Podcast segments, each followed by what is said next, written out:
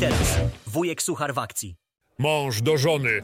Kochanie, kupiłem prezerwatywy smakowe. Zamknij oczy, spróbuj i będziesz zgadywać smak. Żona próbuje i mówi: Hmm, ser, cebula. Mąż. Czekaj, jeszcze nie założyłem?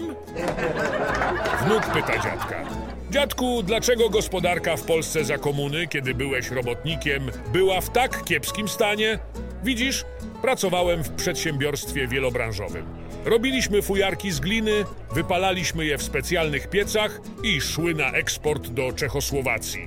Czesi w zamian przysyłali nam kurczęta, które chowaliśmy przez pół roku i jako duże kury wysyłaliśmy do NRD. Niemcy przysyłali nam za nie małe prosiaki, które intensywnie tuczyliśmy przez rok i jako duże świniaki eksportowaliśmy do Związku Radzieckiego.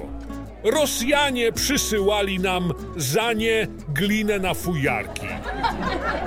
Idzie facet brzegiem Odry i nagle dostrzega innego faceta, który klęczy i pije wodę prosto z rzeki. Zdziwiony spacerowicz krzyknął: Co pan robi? Niech pan nie pije. Otruje się pan, chemikalia i odpady. Na to klęczący mężczyzna odpowiedział: Was ich verstehe nicht. Wtedy spacerowicz powiedział: Powoli, bo zimna.